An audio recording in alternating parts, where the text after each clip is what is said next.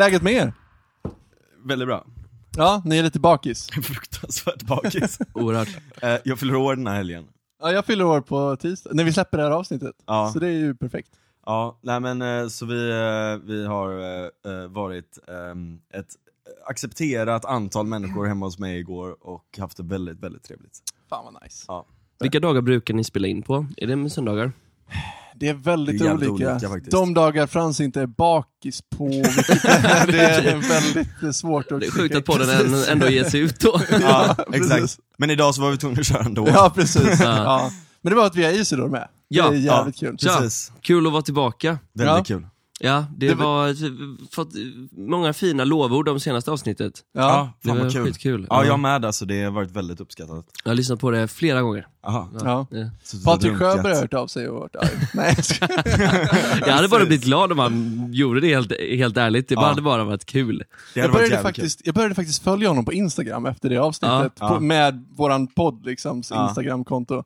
Han är jävligt, eh, det är väldigt eh, kul. Han håller igång. Ja, Han har ju börjat med det här nu, Kill your local pedophile. ja. Sen fräscht Det har han snott från Frida. Ja, just det. Hon gjorde ju den, liksom, hon gjorde den kill your local rapist-tröjan och allt sånt där typ. Vilken Frida? Jagebro? Ja, Jaha. precis som var med liksom. Och så baxade, har det backat, baxats i flera led typ, och Mm. nu kör han den liksom. Och eh, det roliga är att man inte får uppmana till våld på Instagram. Ja, Och då kan man bli shadowbannad och sånt där. ja. Så att han måste sudda över kill lite grann. ja. Så att det Aha. står bara här, your local pedophile. så, så att, tänk att ni står så på Hemköp och så kommer det in en så här, två meter lång skäggig tatuerad kille med tröja där det står din lokala pedofil. Ja. Fan vad bra alltså. För typ såhär fem- 10-15 år sedan så, blev, så, så dök ju de här sidorna upp där man kunde hitta sin lokala pedofil. Liksom. Så man visste om det fanns en pedofil i området. Ja. Han har tagit det till en helt ny nivå. Liksom. Han har tryckt på en fucking tröja och går. Det är ändå så här, en sån riktig chad-pedofil som, som köper tröjor he, helt oblyg verkligen. Verkligen alltså. Ja, jag älskar honom. Oh, shit vad Ja, vi ska inte prata om Patrik Sjöberg i det här avsnittet. Nej, men han är, jag kan återigen tipsa om att följa honom på Instagram till folk för att det, är en, det är en källa till nöje. Ja. Du har en spaning. ja, nej jag har ingen spaning, jag har en story. Du har en story till och med. Ja, eh, och jag tänkte att det skulle börja med det här att jag dricker kaffe varenda jävla avsnitt vi har. För att när vi spelar in ett avsnitt, då går jag liksom in i, ut i krig verkligen. Och då Ja. behöver jag en, så här, en, en kick. Och, bara, wow. nu.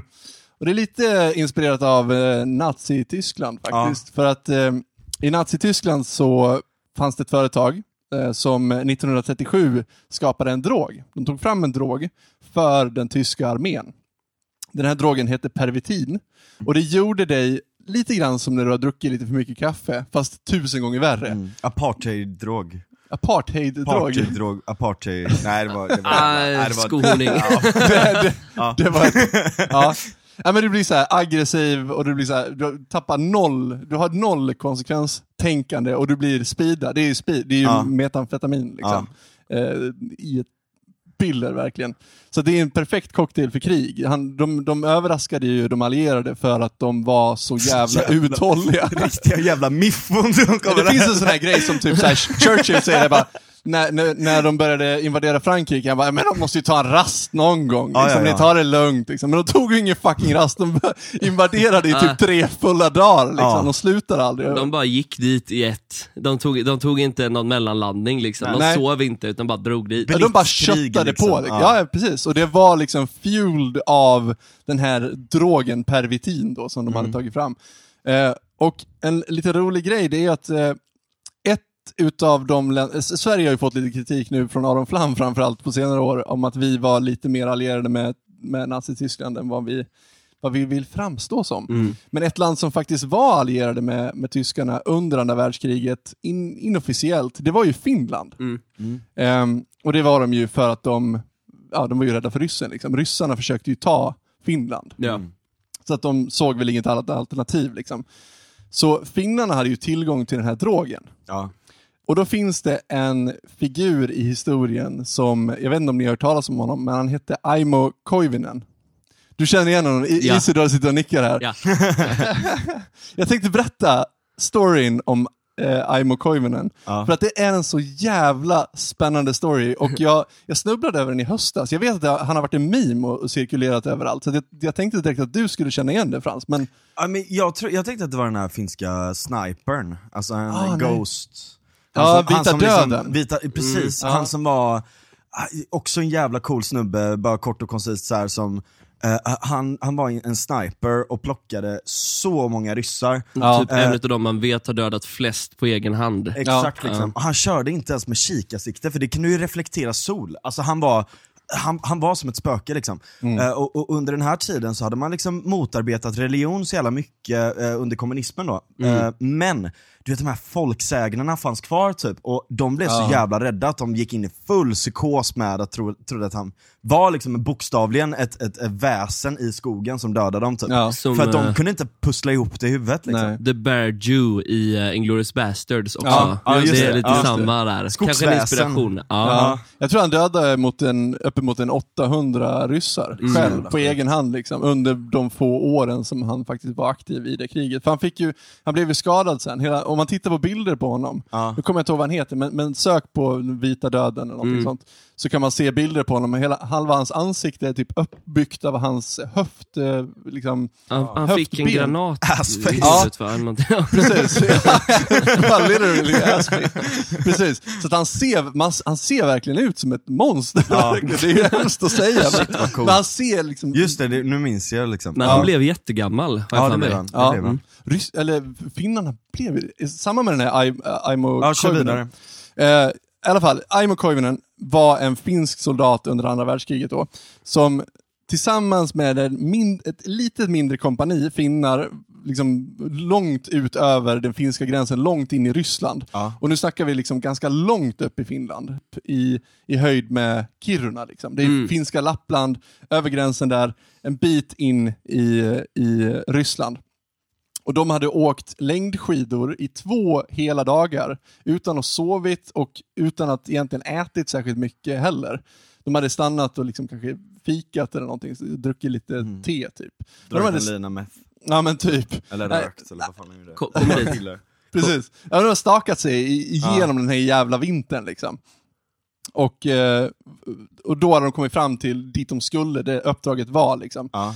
Och där skulle de slå lä- läger och liksom vila ut och ta det lugnt liksom. Ja. Och precis när de börjar liksom packa upp och ska starta en brasa liksom och få lite käk för första gången på två dagar, då hör de skottlossning. Ja. Ryssen har upptäckt de här. Och de liksom så här, full panik, liksom, vad fan ska vi göra? Liksom. Så de börjar staka därifrån och inser att fuck, ryssarna har eh, omringat oss. Ja. Det är hundratals ryssar i skogen runt om oss. Liksom. Ah, det är shit. fucking Ja. kört. Liksom. Så att de satsar hundra liksom, på den lilla öppningen som finns i den här cirkeln av ryssar. Liksom. Lyckas komma ut ur den här cirkeln och bara köttar på på skidorna. Liksom. Eh, och ryssarna skjuter efter dem och det är fullt fucking kaos. Liksom. Mm. Och eh, Aimo då, som har mer eller mindre varit vaken i två dagar, inte ätit särskilt mycket överhuvudtaget. Han känner efter någon timme när de har flytt ryssen att så här, jag är helt slut. Alltså jag håller på att somna här ståendes liksom på skidorna. Mm. Och då var det någon eh, i kompaniet som såg att Aimo började liksom nicka till på skidorna. Så han skrek till honom att så här, Aimo, skärp dig. Du, får, du kan liksom inte somna nu. Det går inte. Ta en pervitin. Ta en pervitin. Och det som var så bra då, det var ju att Aimo var ju den i kompaniet som eh, ansvarade för hela kompaniets eh, lager av eh, pervitin. Så att Ja. han hade liksom Ja. ett lager på sig. Och han bara, okej, jag- jag, jag får helt enkelt göra det här nu. Han var in, egentligen inte för drog. han var inte så sugen på att ta en sån. Han hade aldrig, aldrig gjort det förut, utan han kände bara att ah, ja, men jag, jag får väl göra det här nu. Det är ju vad, vad jag för val liksom. Mm. Så att han letade fram en liten sån här burk ur, eh, ur jackan och eh, ni vet när man har så här Ludvika-vantar. Ja. Ja. Och man är ute och stakar med stavar och folk skjuter efter en. Och, nej, det kan inte ni göra. Men, Jag relaterar inte jättehårt, men jag kan, jag kan föreställa mig det. ja. precis. Och så ska man liksom ta ut ett litet piller ur en burk. Ja. det är fan ingen lätt uppgift liksom. Nej. Inte, särskilt inte när du har, so inte har sovit på två dygn och inte Nej. ätit och eh, livet är på väg att liksom, avslutas. Ja, Så han liksom öser till och får en hel näve full av de Ja. här pillerna.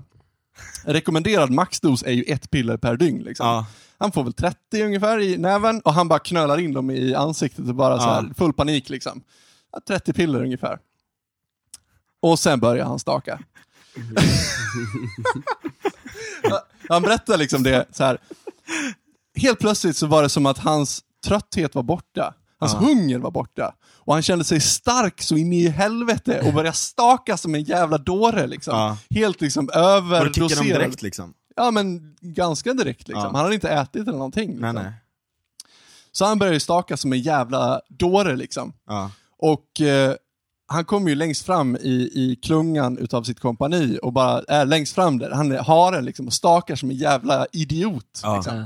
Ja. Och sen går han in i någon sorts delirium. Han har ju liksom överdoserat så att han har Ja. ingen minne av vad som händer härnäst. Men det första minnet han får, eller har, efter det här, det är att han vaknar till när han for- fortfarande står och stakar och han är helt ensam. Ja. Hans kompani är helt försvunnet. Han har pundat bort kompaniet, Ja, bokstavligt talat. han har stakat ifrån dem, i 190 liksom. Köttat ifrån dem. Och han liksom bara så här. vad fan, vad har hänt nu? Jag är helt ensam i den ryska vildmarken. Jag liksom, det är helt lugnt här. Vad fan, jag kommer inte ihåg vad som har hänt. Ja. Jag har ingen ammunition på mig. Vad fan har den tagit vägen? Den är helt försvunnen. Liksom. Ja. Han sätter sig ner och bara så här. jag måste äta, jag håller fan på att dö. Liksom. Öppnar sin ryggsäck, ingen mat eller någonting. Det enda han har, det är, eh, han har sin ryggsäck och skidor då såklart, men det han har utöver det, det är en metallkåsa, en mugg liksom. Och eh, eh, karta och kompass. Så han sätter sig ner och kollar på kartan och bara så här, vad fan är jag någonstans? Ja. Så han, på något vis, det här förstår jag inte hur han har listat, hur han kunde lista ut, men han kunde lista ut ungefär vart han befann sig någonstans, rent geografiskt. Och då befann han sig ungefär 10 mil ifrån den platsen där de först hade blivit överrumplade av ryssen. Shit. Jag kan tänka mig att det var så när han stod på skidorna, att det var som när de gå- går upp i ljushastighet i Millennium Falcon. ja, exakt! Alltså, Och sen bara liksom, en dag, ett dygn sen bara, "Huh, var är jag och var är ni? Va, vad hände alla? Ja, så att han liksom bara står där och bara säger, vad fan, vad, vad gör jag nu? Ja. Det är ju det är bara att börja staka hem mot Finland igen liksom. Ja. Så han börjar staka där. Och tänker han så här, förr eller senare så stöter jag väl på mitt kompani igen. Liksom. Eller, Ja. eller så kommer jag hem till Finland eller någonting. Liksom. Jag måste ju bara försöka ta mig västerut igen. Eh, och ja, Han stakar upp där på fjällen, över fjällen och så vidare. Och sen när han står mitt uppe på ett fjäll, då ser han ett läger där framme. Och bara säger tack gud, där är de ju. Där är mitt kompani. Jag har äntligen kommit ifatt dem. Så han liksom börjar staka ner för fjället liksom. Jag vet inte, har ni åkt längdskidor någon gång? Mm. Det Ja. är skitsvårt. Nej. Nej, ja, det är skitsvårt. Men det kan gå ganska snabbt, för de är ganska smala liksom ofta. Ja. Nu vet jag i och för sig inte om finska liksom, arméskidan var särskilt smal. Ja. Men du kan komma upp i en ganska snabb hastighet det. liksom nerför en backe. Jag åker ju vanliga skidor väldigt mycket, Ja, men, precis. men inte det. Grejen med vanliga skidor och slalom, liksom så här, då åker du mer eller mindre och svänger och bromsar. Så här. Ja, exakt, exakt. Parerar hela tiden. Men där, du kan ju inte göra det, de är för smala liksom. Ja, precis. Du, Ja. du kan inte, plus att du liksom, när du, när du reser dig så sitter ju tårna fast liksom. Ja. Så att du kan inte riktigt så här parera, utan du kan bara Du åka rakt, rakt fram. rakt fram. Och liksom, åker du ner för en kulle så börjar det gå ganska snabbt, ganska, liksom väldigt snabbt med ja. längdskidor. Han åker ner för ett fjäll mot, eh, mot det här lägret då, i full kareta. Och ni kan ju tänka er, han är ju liksom tjackad till tusen och bara Ja. stakar som en idiot och bara tänker så här, ja men jag, jag kommer komma fram, jag kommer komma fram, fy fan vad, han är liksom superexalterad. Ja. Så att han berättar att så här, det går så snabbt att han liksom eh, lufttrycket blir så hårt så att han ser ingenting för han får tårar i ögonen liksom. Ja. Och han tänker, "Ah, ja men jag, jag stakar på, jag kommer ju komma fram liksom. Och då Att kan han jag... inte ramlar, det är helt sjukt. Ja jag vet, det är Ja. helt sjukt. Eh, och så när han börjar närma sig och liksom tårarna börjar lätta, då ser han, det är ju ett ryskt läger. Ja. Men han kan ju inte stanna. Nej. Så det, det, går ju liksom i 190 liksom, och när han inser det här att fuck, jag är på väg rakt in i ett ryskt jävla läger. Vad fan ska jag göra nu? Ett enmannagarde verkligen. Precis. Så här. Och han säger det, det, fanns, det går ju, jag kunde inte stanna, jag kunde inte svänga om, det fanns liksom ingen återvändo. Det var ju bara att plöja rakt igenom hela lägret liksom. Men det, det var väl bra att det var ryssar då, på sätt, på sätt och vis liksom. Vadå då? Det hade blivit jävligt dålig stämning om han åkte och det var finnar och han bara åker och rammar hela deras skit. Bara- Just att han åker nerför på längdskidor då, som eh, då går skitfort. Ja. Och ändå tar liksom stavtag och bara, jag ska fan... Och bara dratt förbi som en blixt så. Ja, det var det som var grejen. Alltså, han, han har ju berättat här i efterhand att så här, ryssarna blev ju så överrumplade av det här. Det kommer liksom en tjackad finne på längdskidor i 190 liksom. Det låter verkligen skräckinjagande. Ja, utan någon ammunition, ingenting. Han bara så här köttar mot dem liksom. Så att de bara så här flyttar sig och bara så här hoppar ur vägen medan Ja. han flyger igenom det här lägret liksom. Så han bara, det var liksom inte som att de reagerade liksom så här fientligt mot mig överhuvudtaget, utan de blev Nej. mest chockade. Typ. De bara lät mig flyga rakt igenom. Ja. Men sen efter det så tog de upp jakten efter honom. Och verkligen köttade efter honom, alla de här. Ja. Och det här är liksom ångest när man läser de här orden, när han Ja. beskriver känslan av att vara jagad av, som han beskriver det, eh, väl utvilade, liksom, top notch av ryska liksom, längdskidåkare som liksom vill ha ihjäl honom. Ja. Liksom. Och där är han tjackad, liksom, så här, helt galen liksom, och bara köttar på. Och han liksom så här, den här jakten efter det här pågår i timmar verkligen. Och de är så nära honom, och till slut så känner han att så här, jävlar vad det börjar snöa liksom. Ja. Det liksom verkligen regnar istappar från eh, himlen som slår mig i ögonen, jag ser ingenting liksom. Men han fortsätter kötta och det börjar snöa och snöa och snöa ännu mer. Till slut så blir det en full jävla snöstorm Ja. som han befinner sig i då, med ryssarna hack i häl. Eh, så att, men han tänker, jag, jag, vad, vad har jag för val liksom? Det är Ja. samma här situation, jag, jag får ju bara kötta på liksom. Så att den här jävla snöstormen blir ju någon konstig räddning då, för att ryssarna tappar ju honom såklart, i den här snöstormen. Eh, men att befinna sig i en snöstorm, det är, Det är inte liksom, kul. det är ingen bra grej, särskilt, särskilt inte på längdskidor liksom. Nej. Och han, han, han lyckas ju förlora, liksom skaka av sig ryssen i den här snöstormen liksom, och kommer fram till en granskog där det finns såna knoppar längst ut på... Ner- Skott. ner- Ja, skott ja, precis, exakt. Och det här kan han äntligen liksom samla ihop och koka soppa på, slå läger och så vidare. Och i den här delen av storyn, om man läser hans story, jag, jag verkligen rekommenderar alla att gå in och läsa den. Den finns på nätet och den finns översatt i engelska så man slipper liksom förstå finska. Ja, Eh, vad bra.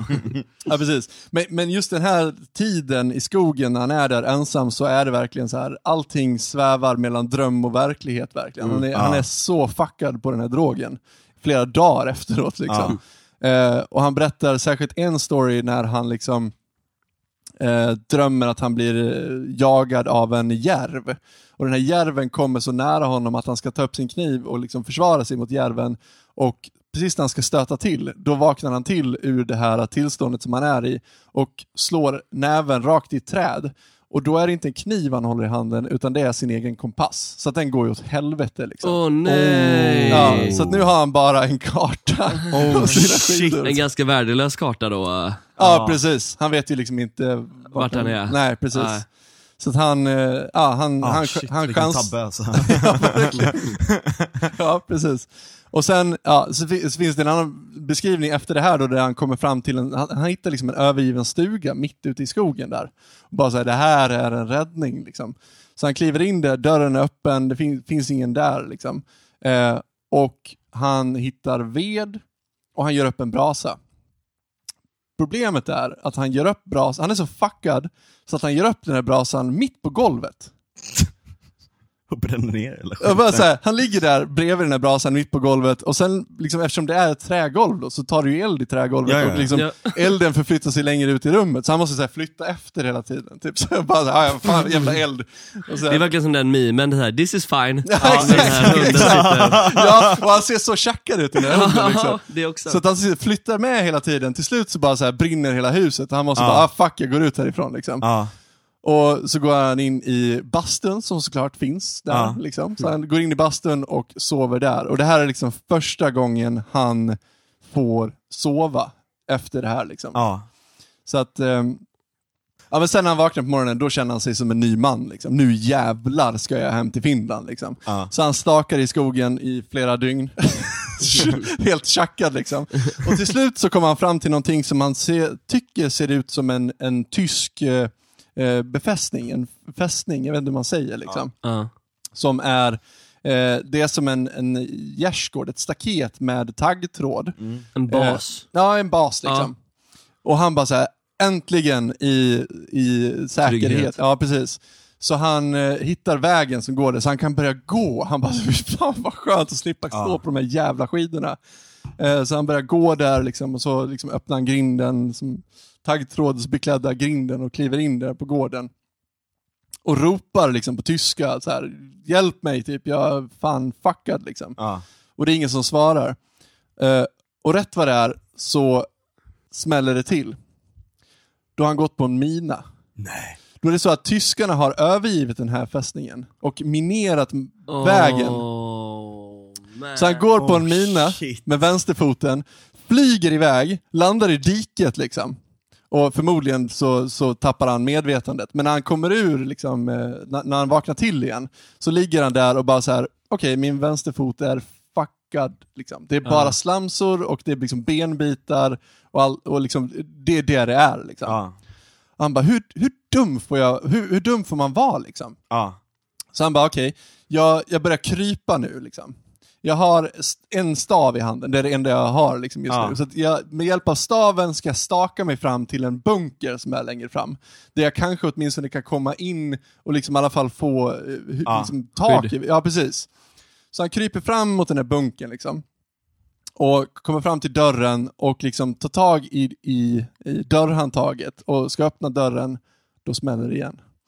Och han beskriver hur hela världen blir helt vit. Alltså han möts av ett vitt ljussken. Och han upplever det som att hela världen exploderar. Och han försvinner ju liksom ut i medvetslöshet igen.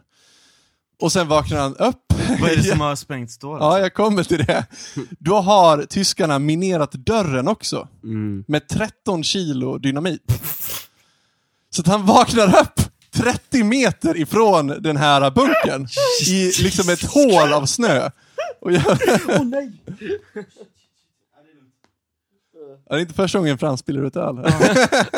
Hur man- det?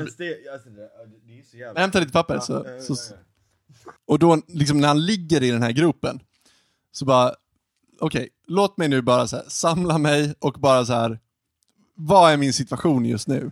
Jag har ont i ena ögat, det är liksom helt uppsvullet.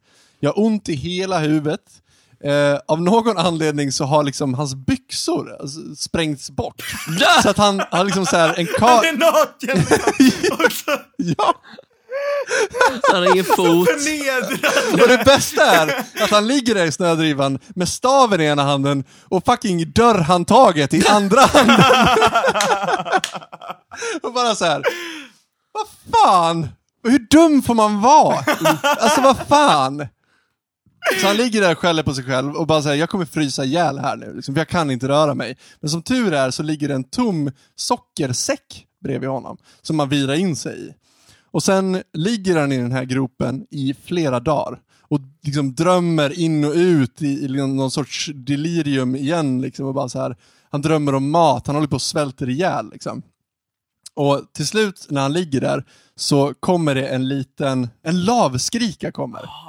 En liten, liten, liten fågel. Eh, och han tänker att så här, ja, jag, vad fan ska jag göra liksom? Ja. Eh, den här lavskriken kom närmare och närmare honom liksom. Ja.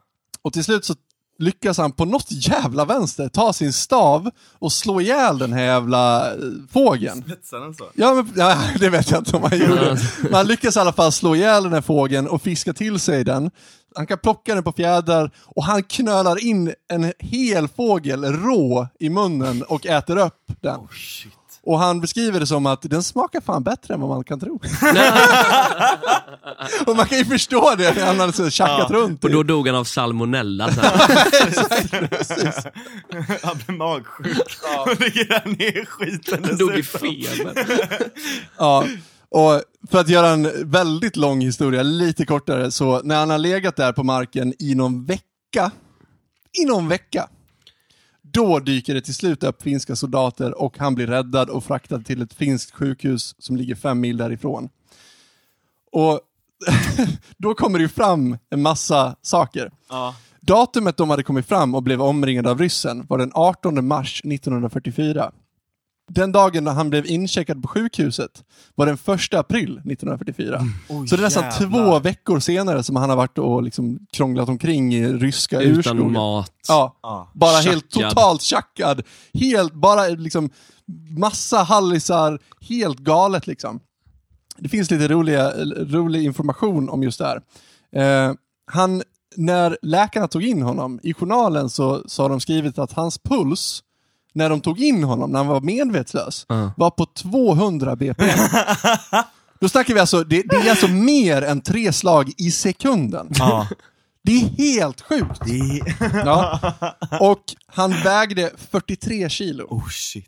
Jesus Christ. Och det var en så här normal snubbe för två veckor sedan. Och Ja. han har gått ner till 43 kilo då liksom. Eh, och han fick även veta att liksom, under den tiden han hade legat vid den här tyska fästningen, under den här veckan, så hade det varit mellan 20 och 30 minusgrader ute hela veckan. Det har han legat i liksom. Och, och chillat. Jesus Christ. Och det nästan värsta, det är att från den platsen, eh, där de först blev överrumplade utav ryssen, till eh, den här tyska fästningen, Ja. var det 40 mil. Åh herregud. Och då ska man lägga till att det är olika håll också. precis, han har inte åkt i rak linje. Nej, exakt. Ah. Framförallt inte under den perioden han, efter att han hade åkt in i det här ryska lägret just och blev det. jagad. För då satte han fart rakt norrut. Ja. och stakade i flera dagar rakt norrut. Så att han måste, vem vet, men han kanske stakade en 60-70 mil liksom. Varför har man Vasaloppet och inte Aimoloppet? Ja, exakt! Ja, På exakt. riktigt. Gustav Vasa som alltså. liksom fet gubbe var tvungen att fly några meter liksom. Ja, det, det minns vi och liksom. Den här snubben, det är ju, fan, man borde göra en blandning mellan Tough Viking och, Ja, eh, verkligen. och Aimo Vasaloppet. Koivunen-loppet i Ryssland slash Finland. Ja. Liksom. Exakt, och det är folk som jagar dig med, med pistoler när du åker också. Så här, ja precis, Men- eller med paintballgevär, så det ska i alla fall kännas lite, du dör inte men det känns som fan. En Ja. annan sorts skidskytte. Ja, precis, precis. precis. Och grejen är ju det här. och du ska också vara, du ska vara uppmuntrad att dopa dig dessutom. Ja, precis. I den här För det är exakt traditionen. det som är grejen. De, sådana här stories finns ju liksom bara från Finland, eller typ så här Ryssland. Det det finns ju liksom inte, Ja. kanske typ någon dansk eller Ja. någon jävla galning någonstans. Men också i- den kombinationen med metamfetamin. Ja, exakt! Liksom. Det är ju det som är grejen. Hade inte han fått den här drogen så hade han ju inte klarat det. Han hade ju, han hade ju inte överlevt en sekund. Liksom. Ah, Men för shit, att han var alltså. så tjackad och liksom uppspirad på det här, Ja. så förmodligen hans kroppstemperatur kunde hålla sig Ja, exakt, också. exakt. Så att jag menar, hade det inte varit för den här drogen så hade han ju inte klarat det. Liksom. Nej. Och det är så jävla tråkigt med Sverige att vi har... Att vi inte tillåter. Nej, det var inte det jag skulle komma till. Nej. Nej, men det, det, det är ju någonting bra, fint med Sverige och samtidigt något som är väldigt tråkigt för att vi har ju liksom så här, vi är ju verkligen medel, eller mellanmjölkslandet. Vi är verkligen medelmåttornas land. Alla har det liksom så här lite halvhyfsat liksom. Det är liksom inte någon som har det riktigt dåligt. Det finns inga extremer i Sverige. Det finns liksom inga sådana här stories ifrån Sverige. Men, på senare år så har det dykt upp en man som jag skulle vilja hävda ändå kan mäta sig med den här osannolika överlevnadshistorien som Aimo Koivunen kan liksom stoltsera med. Och vem fan skulle det kunna vara, Frans? Dan fucking Eliasson! Ja, Dan Eliasson! Vad är grejen med den karln? Hur? Ah, det, är så, det är så sinnessjukt Ja, alltså. det, det är det här. Han har överlevt så jävla många konstiga situationer och han fortsätter fucking överleva. Han fortsätter, alltså han sparkas uppåt varje gång. Ja, Ja. och man, man är ju intresserad av vad är hans pervitin? Vad är det som gör att han Sant. klarar allting här? Sant. För jag tror inte att han går på en drog nödvändigtvis, men någonting måste han ju ha så att han Jag klarar tror att det det är adrenochrome. Just det, satanistdrogen. Precis, jag tror att det är, eh, att de, eh, det, är, det, är, det är någonting med satanistiska barnritualer, eller så här, Ja. ritualer tror jag. Alltså jag någonting vet åt det hållet. det här, eh. Det är det enda Vi, sättet. vi, vi, vi pratade ju om det här för två avsnitt sen när vi gick in på konspirationsteorier och korkade människor där som tror på det här. Ska du liksom ta på dig foliehatten till 100%? Jag kommer att göra det den här gången, för att Okej. det, är, det känns som den enda rimliga förklaringen faktiskt. Ja, har vi någon konspiration i Sverige så är det hur fan lyckas Dan Eliasson Exakt. ha så många liv? Och det är så, det är så oblygt verkligen. Ja. det, det är inte något försök till en cover-up från sossarna, de är verkligen helt bly, oblyga. Ja. Eh, hörni, jag kommer behöva dra mig. Ja, ja, för ja. att eh, Okej, ja. del, dels så ska jag ut ikväll eh, och sedan så, eh, ni, ni ska ha en till gäst, eller hur? Ja, nej, men så här, ja, Ja. precis. Men då kanske jag drar mig så, eh, så tackar vi för idag. Och så får ni fortsätta med eh, gästen då. Ja, gött. Tack. Ja men vi ses snart. Ta gött. hand om er och ni kan följa med på Instagram, Isidor, eh, Isidor Olsbjörk heter jag där. Ja. Ah, ha det gott! Ha Ha det det gott, hej. Yeah. Ja, här har Ja. vi en ny gäst nu. Nu har vi en ny gäst här. Eh, välkommen till studion Kriser och Olsberg. Ja, tack så mycket. Eh, du är expert inom kristeori. Precis, det stämmer bra det. Ja. Det stämmer, ja. Vad gör man då? Jo, då gör man så att man analyserar helt enkelt eh, eh, krissituationer, krisande situationer i olika konstellationer och i olika sammanhang där man eh, försöker se mönster, tyda vad som eh, kan ha gått fel och varför och förklara det för människor och eh, forska lite på det om eh, Ja. vad vi kan lära oss helt enkelt av våra misstag kan man säga. Gud vad intressant. Mm, För, först måste jag ge en liten eh, en resumé för Ja, er för- som inte riktigt har koll på Dan Eliasson. Precis. Ehm, så att, jag börjar lite här då. Ehm, han är född eh, 14 augusti 1961 Jaha, han är så ung alltså. i Sundsvall. Eh, Misärens Ibiza som det också kallas i folkmun. Eh, och eh, han har ju då liksom en av de fetaste portföljerna någonsin kan man säga, i princip, i, i liksom, eh, av Han har alla ett generaldirektörer. gediget CV kan man säga. Ja, Ja, han är välbärgad. Det börjar alltså på Säpo, Ja. där han är generaldirektör. 2006 till eh, 2007. Och som Säpo så får man ju jobba hårt. och man får jävligt mycket hemligheter och eh, man har jävligt viktig jävla roll. Kan man ju lugnt säga. Verkligen. Sen efter det då var han eh, migration, eller han, han var generaldirektör för Migrationsverket. Mm. 2007 till 2011. Sen efter det för Försäkringskassan. Mm. Eh, 2011 till 2015. Sen var han eh, National Police Commissioner, jag vet inte vad det heter på svenska, eh, av eh, svenska polisväsendet, det vill säga polisen, generaldirektör där kan man säga. Mm. Sen Myndigheten för, för eh, samhällsskydd och beredskap Ja. efter det. Mm.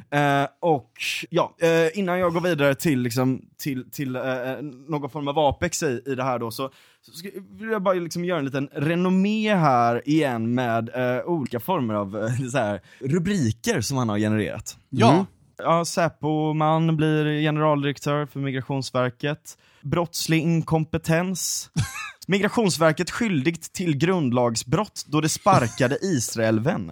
Eh, bland annat. Eh, och, och, och lite annat sånt där. Eh, brottslig inkompetens. Och, och, och lite annat sånt där liksom. Eh, och sen så då, eh, så han blev sparkad därifrån för att börja på Försäkringskassan. Eh, som GD. Toppchef utredd för jäv, fick högre lön. Chefen värvade och gav sin flickvän lön. Alltså, internutredarna på Försäkringskassan får inte längre fria händer att granska misstänkt korruption och andra... Eh, och ska vi se här, eh, misstänkt korruption och andra eh, oegentligheter tack, eh, hos chefer på myndigheten. Det här upprör nu många anställda på flera nivåer inom Försäkringskassan som Eko har pratat med.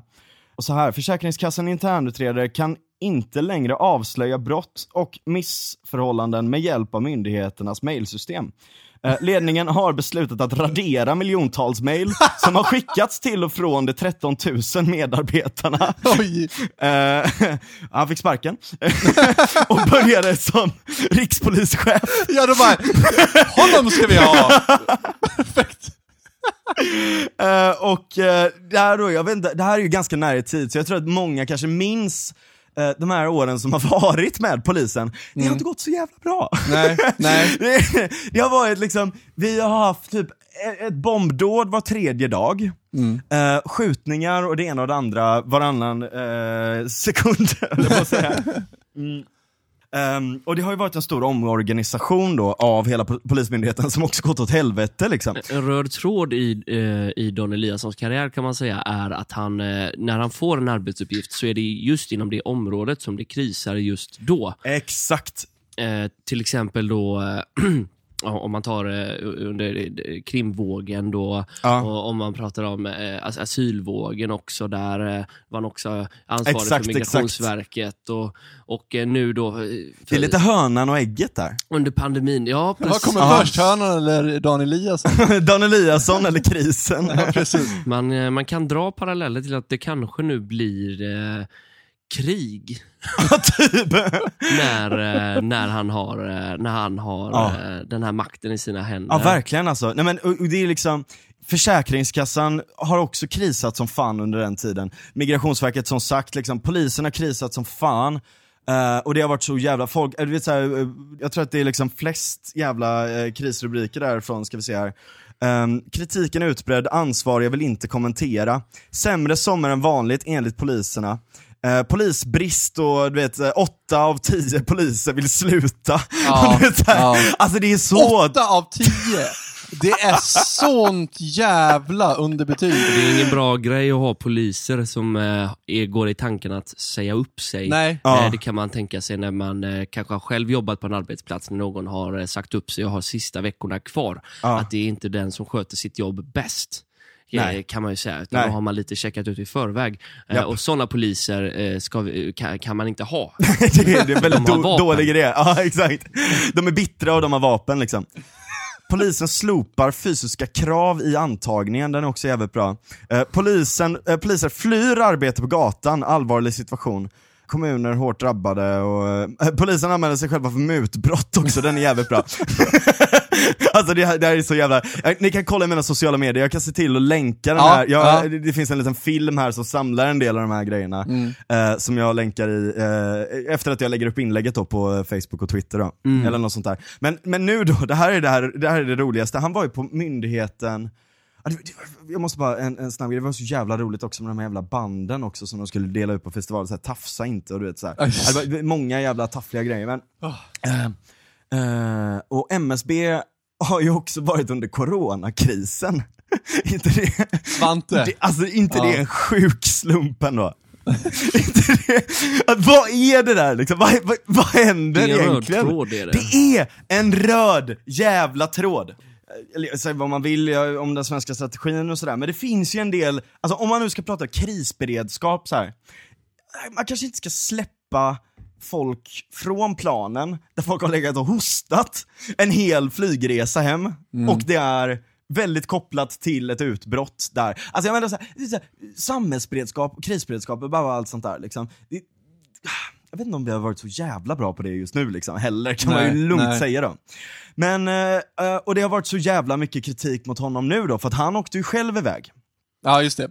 Till- Nu under julen här, ja. Ja, Precis. och han har varit iväg, eh, dessutom ehm, har han alltså varit iväg flera gånger, vilket han först Vad gör. han gör då, jag kan uttala mig utifrån eh, min vinkel och Ja, min just det, expertis ja. som jag vet är att det, vad han gör är en väldigt eh, klumpig, eh, ett klumpigt misstag när han ska försvara sig eh, och, och, och formulera sig så att han säger att han har avstått många resor, eh, men inte alla resor. Så han råkar liksom erkänna att han fortfarande har rest mer. Ja. Han har rest under pandemin, Ja. men inte lika mycket som han brukar. Nej. Och det är, eh, det är inget bra försvar. Nej. Nej. Nej, det är fan inte bra. Försvaret är liksom så här. Ja, jag visste jag är skyldig till det här mordet, men jag har faktiskt mördat mindre än vad jag brukar. Nästan Alltså, liksom. Det är verkligen ja. så här. Ja. Och, och där kan man säga, jag tycker inte handlingen sig att åka utomlands är det absolut värsta någonsin. Men om du är generaldirektören för eh, Myndigheten för samhällsberedskap, eh, då, då kanske man ska liksom dress for the job lite så att säga. Liksom. Ja, precis. Eh, och- Föregå med gott exempel. Ja precis, liksom. Ja. Och, och kanske hantera det lite snyggt. Ja. Eh, det kan man ju säga lugnt att han inte gjorde, utan det har ju varit en, alltså, jag har skrattat så mycket över alla de här grejerna och det kommer så många bisarra detaljer i allting. Att han alltså sitter och dricker drinkar på en balkong i Las Palmas med Fredrik Söderholm också. Där, där gör han ju ännu ett, eh, ett misstag kan man ju säga eftersom att hans försvar också var eh, att han påstod att han åkte ner till Kanarieöarna för att eh, spendera tid med sin dotter. Och sedan så kommer det då fram via sociala medier Ja. att han har eh, festat med homosexuella män på en bar. Och eh, Nej var den ju bara, var det inte balkongen? bild av att hans dotter sitter hemma själv och firar jul medan pappa är ute och pappa är, pappa är törstig. Han ska bara ut och köpa tidningen säger han.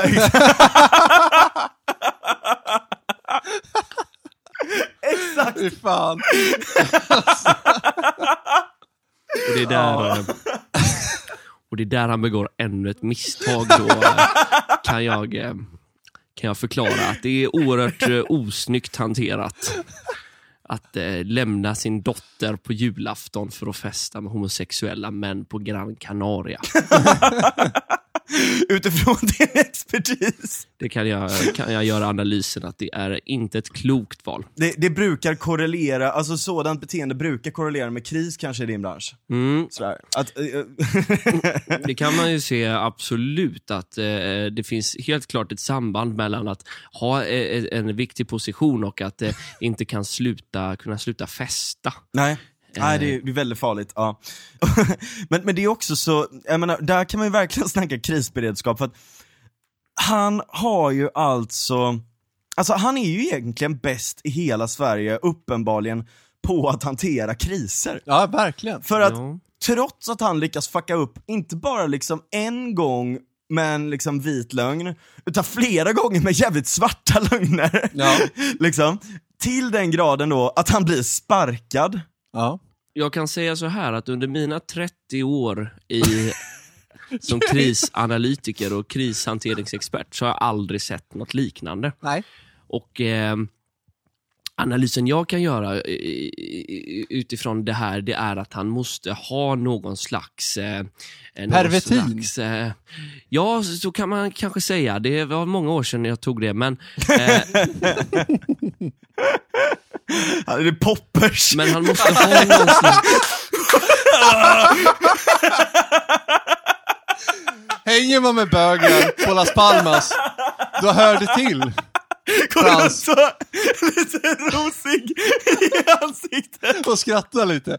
Kni- lite för sig själv på, på stranden. Ja. Ja, Ja. okej. Parentes. Men jag menar, ja, han är ju liksom den bästa i Sverige på att hantera kris. För att han blir alltså, han, nu ska jag börja jobba på regeringskansliet. och, som ehm, ansvarig för Det, det är inte ens två veckor sedan han avgick från sin förra fucking post. Och det gick väldigt, väldigt fort den här gången eh, Ja. också. Och, och, och det kan man säga, att, eh, som jag skulle komma till eh, min, eh, min analys då, eh, det är att han måste sitta på någon slags ammunition eh, som han är beredd att använda mot dem som inte, om han inte får ett nytt jobb. Precis. Jag tänker att vi går in på det lite sen. Jag ska bara läsa upp portföljen här nu så folk verkligen förstår det extent av den här nya grejen då. Ja, bra idé. Där kan vi säga att, så här, att MSB då, som han var på innan, är alltså underordnade den här myndigheten. Så att sparka uppåt får verkligen en innebörd i den här situationen. Kan Ja, man lugnt säga. precis. Enheten för samordning av samhällets krisberedskap. Enheten ansvarar för samordning och utvecklingsfrågor och de samlar bland annat MSB också liksom. Eh, för att förstärka och följa upp samhällets krisberedskap och det civila försvaret samt förvaltning och utvecklingsfrågor som gäller skydd mot olyckor, alarmering och farliga ämnen. Poppers. Eh, och en, enheten ansvarar för bland annat följande frågor. 112-avtalet, räddningstjänst, Ja. sjöövervakning och miljötjänst till sjöss, informationssäkerhet, psykologiskt försvar, kommuners, landsting och myndigheters beredskap, transporter av farligt gods, brandfarliga, Ouch! brandfarliga och explosiva varor. Beredskap mot kemikalieolyckor och stora industriolyckor eh, samt övriga kemiska, biologiska, radiologiska och nukleära händelser. Vi är fucked helt enkelt. Det, är- det är det som är slutsatsen. Då kan man EU fråga sig vad som kan gå fel. Vänta, det är tre till, tre till. Samordning av frågor rörande civila frivilliga, och, eh, civila frivilliga försvarsorganisationer, radiokommunikationssystemet för skydd och säkerhet och undersökning av olyckor. Estonia. Exakt! Bra poäng. För där kommer vi osökt in på den här grejen då. Vad är Dan Eliassons pervitin? Vad är det för drog? Eller drog men vad, vad är orsaken? vapen. Ja, vad är det för hemligt Vad är det vapen? för hemligt vapen? Vad är det för hemligt vapen den här karln besitter? För Han- att han sparkas uppåt hela tiden, trots att han fuckar upp och bevisar att han är totalt inkompetent gång på gång. Ja. Det är liksom inte en eller två gånger, utan det är många gånger. Och inte ens två veckor efter att han får avgå från sin förra post, vad fan är grejen? Vad är grejen? Kan, kan, kan, kan vi bara liksom... Han hade ju fått fallskärm annars antagligen också. Jag, jag har Säkert. hört också att han är en o- oerhört olycksfylld eh, eh, följd eh, människa som eh, vart han än går eh, så tycks det bli kaos då. Eh, jag har genom, från obekräftade källor eh, f- fått eh, höra att han eh, extraknäckte som lastbilschaufför ett tag och, och hade en dålig vana av att lämna nycklarna kvar i lastbilen. Ja. Och han körde ut för Spendrups på samma dag som Rakhmat Akilov Nej! och det, det här är obekräftade källor. Men det är någonting som vi, eh, eh, vi, vi, vi kan anta. Ja. Vi kan anta det med gott samvete. Precis, det eh, låter ju ganska rimligt i proportion till det andra. Man kan också knyta Dan Eliasson till Estonia kvällen den sjönk. Eh, Asså? och att han hade en stor mängd fyrver- fyrverkeripjäser med sig. Eh, som, han hade, som han hade i, i sin bil nere, bildäcket. Eh, och man kan, man kan spekulera i vad det var som exploderade inifrån. Ja. som gjorde Ah. utåtbuktande hål på skrovet. Eh, men eh, men vi har, eh, vi har inga bevis för det här. Men det Nej. finns, det finns obekräftade källor som jag inte kan gå ut på som Ja, har... eh, och då är frågan liksom så här, vad är regeringens, liksom, varför vill de täcka upp så mycket för Dan Eliasson att de vill liksom Nej, men för- cementera för- över det precis. fucking skrovet Och det- av Estonia? Det blir, det blir, ah, ingen utredning, är du debil, ah. De viktiga skorna, svarsbrev från Mikael Damberg och han är infrastrukturministern, den är så jävla bra. Ja. Eh, Alltså vi men- skrattar men- ju, men det här är ju extremt allvarligt. Ja, men, men det, här är det extremt sjukaste, det sjukaste med det här, Ja. är, alltså jag är inte förvånad över att sossar är dumma i huvudet, jävla miffon, korrumperade as liksom. Det är det som Ingen ingår i jävla fucking biggie jobbet. liksom. Nej. Men däremot, alltså rent taktiskt, det går inte så jävla bra för dem just nu. De, Nej. har, de har dragit på sig jävligt mycket skit Ja. senaste åren. Ja. Och alltså hur kan de rent strategiskt motivera en sån här sak? Ja, det är ju det som är frågan. Hur kan, hur, alltså, vem tyckte att det var en bra idé? Han, alltså, någonstans så kommer man till att den enda rimliga förklaringen, det är ju att han, han vet någonting. Han vet han har ja. så jävla mycket blackmail från när han var Säpo-direktör. Ja, Och man kan ju garanterat. fråga sig då vad det är som han sitter på för information eftersom att eh, konsekvenserna utav, eh, som, som blir utav där han går Ja. eh, är uppenbarligen då inte är värre än om informationen han sitter på skulle läcka ut. Exakt, alltså man tar exakt, hellre exakt. konsekvenserna av att en eh, myndighet på myndighet kollapsar och, och eh, blir, eh, blir ställd i kris eh, än att eh, då det här får läcka ut om vad det är, eh, vad precis, det är han precis. vet. Exakt. Exakt. Eh, Eller antingen så är det så, eller så är det så här. de har någon form av krockkudde, Mm. som, som, som liksom, eh, där kritiken rinner av som vatten på en gås liksom. Ja. Att, att han är så jävla, han är bra på kriser bokstavligen i den bemärkelsen att han kan stå där när saker och ting krisar. Men det innebär ju då, okej, alltså SSK, hela den här, alla den här hela den här jävla listan jag räknar upp då, är den på väg att krisa nu? Borde vi, bara, borde vi vara jävligt oroliga just nu liksom? För att vårt psykologiska försvar ska helt krackelera typ, eller du vet. Alltså alla de här jävla olika fucking list, eh, grejerna jag listade liksom. Okej, ja, är det på väg att fuckas upp nu typ, eller vad fan händer? Det finns anledning att vara orolig, ja. Det skulle vara Ja. min analys av situationen just nu. Eh, man kan säga att eh, han har aldrig haft ett så viktigt jobb som han har nu. Han har eh, absolut störst eh, kapacitet till att eh, begå ord- ordentliga misstag som kan kosta oss eh, oerhörda eh, konsekvenser i, i framtiden och eh, kan förfölja oss i många år med den makten han har på, på eh, regeringskansliet. Japp. Men jag tänker samtidigt att så här, om, om det nu skulle vara så att han satt på en massa hemligheter som, som han kan blackmaila med och att han kan få nya poster hela tiden. Ja. Varför skjuter de honom inte bara? Alltså, var, var, varför, varför skickar de inte någon Gör en Palme. och Ja, jag gör en Palme på honom. Ja. Alltså, så här, jag säger inte att jag kanske önskar... var han som Ja, dödade Palme. Vänta, jag, vänta nu, vänta nu. Jag vill bara förtydliga att jag, jag säger inte att jag önskar någons död överhuvudtaget. Nej, nej, det är inte gud, det nej. jag säger, Ja. absolut inte. Men det finns någonting här, vad är det som gör att man hellre väljer att han ska Ja. fucka upp det gång efter gång istället för att bara plocka bort honom?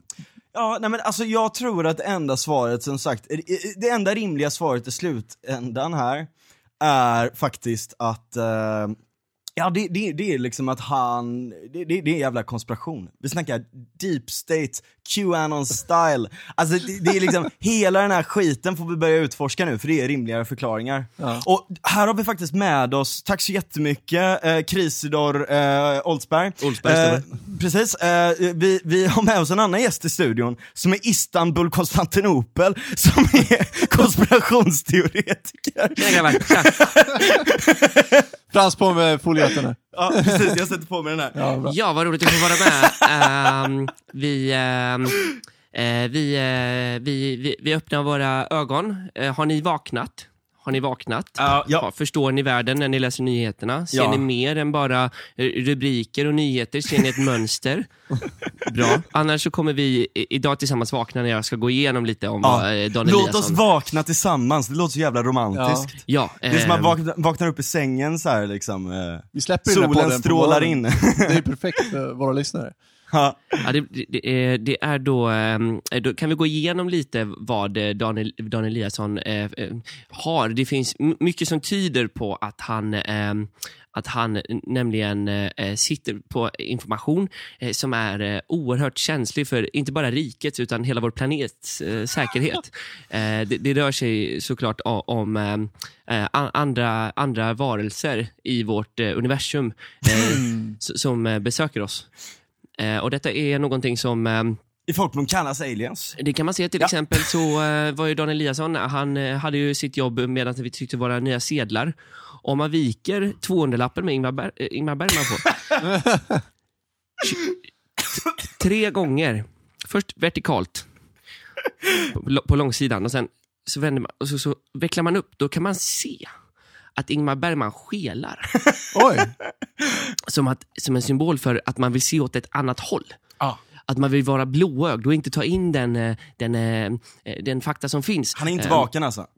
Precis, han har inte, han har inte vaknat än och, Ja. och, och är redo för att eh, ta emot eh, då den här eh, oerhört eh, eh, kontroversiella och oroväckande men eh, ack sanna eh, fa- faktan om att vi ständigt blir besökta utav eh, rymdödlor som inte bara tog livet av vår statsminister på grund av att han var aidssjuk och, utan även att Palme hade kontakt med, med de här reptilerna då, eh, som är en avart av ehm, de aliens, eh, som man säger, eller i folkmun kallar man det aliens, eh, som eh, har en bas på månen. som inte är en måne såklart. Vi, det finns ju inga månar. Det finns nämligen väldigt lite bevis för att det finns månar. Ehm, utan det är ju rymdskepp såklart då vi, vi, vi, eh, vi Hela det pratar om. är en bas. Precis. Och vad man kan se då är då är helt enkelt... Tja grabbar, Eh, jag missade mitt tåg. Ja, Det är Röva. ah, fan men slå den ner Får igen. jag vara med igen? Ja, kör, kör. Vem, eh, vem är det här? Ist- Istanbul. Ja, du, du sitter på min plats. Kan, kan jag få... kan, du, kan du flytta på dig? Jag tänker inte flytta på mig. Nej! Jag tänker inte flytta på mig. Flytta på dig jävla miffo! Ja, jävla fascister. Ni... Ja, ja. Det blir för tramsigt. Det är för tramsigt. Det här är ganska seriöst podd. Ni har ju liksom så här oerhört intellektuella gäster som har verkligen extrem expertis och så kommer säga jag, kus, kusinen från landet och börjar spela någon slags teater här. Och hoppas ni som lyssnar eh, tyckte att det var kul i alla fall. Det är radioteater. Det blev lite det. Det blev lite det. Ja, sound Eh, effect. Är vi tillbaka. Då- Tillbaka då, så att om vi, om, vi, om vi då ska koppla det här till Palme då. Vi, vi, vi måste gå ner på lite mer ja, seriöst. ja, Nej men gud, ja, jag, ja, ja. jag, har, jag har en bra, eh, jävligt bra segway här. Eh, i, I Palmegruppen och alla såna här grejer så pratar man ju om de olika spåren. Mhm. Eh, och det kan ju lätt vara urspårat som fan då liksom. Mm. Eh, men, men det är liksom, eh, du har ju bättre koll på det här, men liksom det här liksom, så här, uh, Kina-krogspåret och eh, Ja, det finns ju massa. han, från, han från där som gjorde det där och några jävla argentinare som kommer ner och spelar fotboll eller något Vi kan inte komma runt en man. Just det, ja precis. Och jag tänker, här då så vill jag lägga ut de olika Dan Eliasson-spåren. Mm. Och jag skulle säga, och, och jag uppmuntrar också alla till att gräva vidare i det här. Eh, och eh, om intresset är tillräckligt stort får vi göra en Facebookgrupp Nej men, eh, och eh, eh, de, de här olika spåren är, antingen så är det aliens, som du var inne på, eller som du kukansikte, pissface var inne på. För fan vad dåligt. Som, ist ja, men precis så, som eh, Istanbul var inne på här innan. Ja. Eh, och, eh, och eh, så dels aliens, Ja. det handlar, alltså det har varit så jävla mycket just nu, vi har tagit upp det i podden tidigare, det händer mycket grejer runt aliens just nu. Det skulle kunna vara en sån grej som han har knowledge av liksom. ja, absolut. Och som han också blackmailar dem om att han ska släppa ut då. Eh, det andra spåret är demoner. Lite det som jag var inne på där med arkitekt, eh, eh, arkitektur och allt sånt där. Liksom, eh, demoner som suger ur livsenergin ur människor. Som gör att Eh, man blir mindre fantasi, eh, eh, får mindre fantasi och eh, liksom Och, skapar... nej men mindre lycka liksom, Ja. de suger ur all din jävla lycka ur dig liksom. Eh, det är också väldigt bra spår, för, för det här är också lite den liksom, alltså bara the act av att sätta en sån person på en sån eh, krishanterarposition gör man att bli lite så här. man börjar nästan, de har börjat använda liksom ironi eh, mot oss för att suga ut hela vårt hopp liksom. Ja. Om att det finns en eh, rimlig jävla säkerhet som backar oss i den här hårda jävla kalla världen liksom. Alltså de till och med förnedrar oss och driver med liksom Ja. det sista lilla hoppet vi har där. Det var ju också en nyhet om att eh, väldigt viktiga dokument eh, som förekom inom Palmeutredningen hade eldats upp och förstörts. Ja. Och det är Det är möjligt att det var... demongrej att Nej, göra. men det var mycket möjligt att det var under Dan Eliasson när han var på Säpo som det hände. Alltså kan- tänk att så här, bara, han frös lite och bara tog någon trave papper som låg och så liksom bara skulle värma sig lite. Precis, han ligger där i. stugan liksom. Ja, men han vill bara värma sig lite så, eh, fryser lite, så eldar han upp så här lösningen på Palmemordet bara. Ja. Men det kan ju också vara så att han sitter på, eh, alltså, tänk ifall han har liksom hittat bevis på polisspåret när han jobbar på Säpo. Leif GW Persson till exempel tror ju på polisspåret mer eller mindre. Han har inte riktigt, han har inte sagt uttalat vad han tror på, men han har sagt att det här var, det här var inte en ensam galning, det var en Har du hört ja, konspirationsteorin om att det var Leif GW som gjorde det? Men jag, gill, jag gillar den, jag gillar det jag hör. Va? Det har jag inte hört. Ja, Du tar mig, alltså, ja, det, det, är liksom, det är redan så way out alla de här snacken, så vi, Ja, vi, vi fortsätter på det här spåret för det är väldigt, väldigt bra. Han har precis äh, försökt avslöja dem i hela den här sexskandal, äh, Ja, prostitution och liksom, ja, allt, det där liksom. Eh, eh, och, eh, och, så, och Palme bara blånekar och förnedrar honom och liksom bara i princip målar upp honom som en jävla galen idiot liksom. Precis, han beskrev det som det värsta året i sitt liv och eh, Exakt. han fick sparken genom att han bara typ kom till jobbet och såg att hans namnskylt på dörren var borta och Exakt. allting låg i en låda bara. Så jävla persona non grata var han. Ja. För att, för att, och, eh, och trots att han hade rätt. Vilket också säger en del om myndighetssverige. Ja, verkligen. Eh, men, men, men, och där då så, han åker ju upp till en stuga i Dalarna tror jag. Ja, Eller något sånt där liksom. bästa stället man kan åka till. och, och så sitter han där och suger av en, en hagelbössa liksom och tänker, fan, Fundera på det. ah, ja, men jag, jag har hört det här då, jag vet inte Ja. om det stämmer. Eh, källor, some people, some people have theories. Det. Eh, eh, att han sitter där då och suger av den här hagelbössan, men så stannar han sig själv. Det är inte jag som ska dö, det är han. Det är fucking Palme. Just det. Ja. Och sen, du vet, sen, och och han hade ju liksom all insight i hur, hur det funkade liksom, på olika myndigheter, hur polisen funkade, bla, bla, bla, allt sånt där. Så Absolut. han visste ju liksom hela schemat och allting, han kunde bara rätta sig efter det, bara bang! Ja, alltså, liksom. Han är kriminologiprofessor, han vet ju liksom hur de... Man kommer iväg med brott. Ja, liksom. ja. precis. Han, han vet i alla fall 100% hur man ska göra för, för att eh, inte åka fast. Precis. Det, det är absolut. Ja. Och sen du vet, vet du vad det jävligaste med allt det här är? Du vet, för, och, vet, så här, han sitter i någon sån jävla morgonsoffa, du vet, här och där hela tiden och pratar om det här. Ja, vad fan, liksom. Eh, eh, och ibland så tar han upp en pistol och viftar lite med den. Ja, det hade kunnat vara det här vapnet. Ja. Det är det vapnet! Hiding in plain fucking sight Det är en alltså! bra teori. Jag köper det. Jag köper teorin. För grejen är så här att på Veckans brott så har ju Leif GW fått frågan, skulle du kunna begå ett mord och komma undan med det? Ja. Ja, Och han har sagt, "Men, ja, ja, jo, alltså jag, jag, jag, Ja, han, han har muttrat lite grann och sagt att jo, jag vet ju precis hur det går till om man ska täcka igen sina spår. Exakt. Så att, eh, ja. ja alltså... Jag tänker att GV, han har ju liksom inte, han hade ju inte kunnat, han var kanske i bättre form förr, men jag tänker att idag vet jag inte om han hade kunnat komma undan med ett mord. Då får han, ha- Han har aldrig Ja, varit i bra form. Han är alltså. bra på att skjuta på långt håll dock, för han är jägare. Så han hade kunnat Mhm. Ja, snipra, just det. använda sniper. Ja, Ja. fast Palme sköts på, på nära håll, precis. Men då var han också yngre. Eh, Så att han kan ha varit i form då. Men jag menar bara att om man svarar på frågan nu, om man, om man hade kunnat komma undan, bara det är en stor skillnad på Ja. liksom Leif GW Persson nu, han är inte hälsan själv, han ser ut som en saccosäck med hår och tänder Ja, liksom. precis. Du har ju testat att springa som Stig Engström gjorde. Ja det har jag. Han var sketa Det är ett av de roligaste klippen jag sett. Vadå? Da- Dagen som de presenterade lösningen då, om att det var Stig Engström som hade gjort det, så gick Vi kommer jag. inte runt en man. Precis. Det är Stig Engström. Man, Ja, det är så bra! Åh, det är fan. Alltså jag hade preppat så länge för det här avslöjandet och så Ja. kom corona och man var såhär, men vi kommer ändå få reda på vem som sköt fucking Palme i juni. Ja. ja. Och så kommer det powerpoint-presentationen.